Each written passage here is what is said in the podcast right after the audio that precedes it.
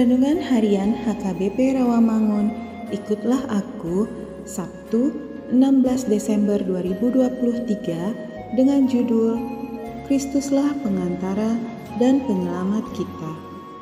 Bacaan kita pada pagi hari ini tertulis di dalam Injil Lukas pasal 1 ayat 1 sampai 17.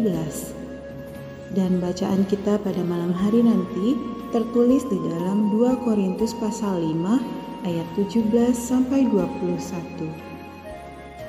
Dan kebenaran firman Tuhan yang menjadi ayat renungan kita pada pagi hari ini terambil dari Ibrani pasal 7 ayat 25 yang berbunyi Karena itu ia sanggup juga menyelamatkan dengan sempurna semua orang yang oleh dia datang kepada Allah sebab ia hidup senantiasa untuk menjadi pengantara mereka. Demikian firman Tuhan. Sahabat, ikutlah aku yang dikasihi Tuhan Yesus. Nas ini berbicara tentang keabadian atau kekekalan.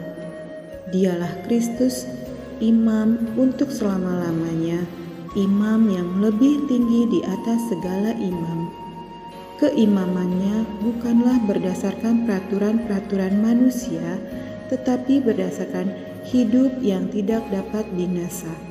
Tertulis di dalam ayat 16 sampai 21. Dialah imam yang kekal bagi kita, tempat perlindungan yang kekal sekaligus dengan pengorbanannya yang kekal. Karena ia kekal untuk selama-lamanya, maka imamatnya tidak dapat beralih kepada orang lain. Karena itulah pula ia sanggup menyelamatkan dengan sempurna semua orang yang oleh Dia datang kepada Allah, termasuk diri kita sendiri. Ia hidup menjadi pengantara bagi kita, tertulis di dalam ayat 24 dan 25. Pengantara yang kekal bagi kita, yang mendamaikan kita dengan Allah Bapa Dialah imam besar kita. Dia saleh, tanpa salah, tanpa noda, yang terpisah dari orang-orang berdosa dan lebih tinggi daripada tingkat-tingkat surga. Tertulis di dalam ayat 26. Kita bersyukur karena kita telah menjadi murid Kristus.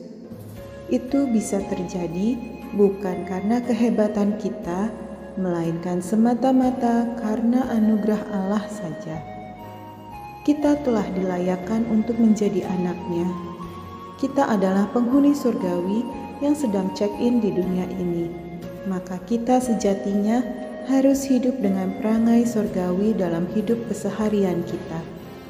Janganlah sebaliknya, oleh perangai yang tercela, kita mencederai dan merusak citra atau identitas diri kita sebagai anak-anak Allah.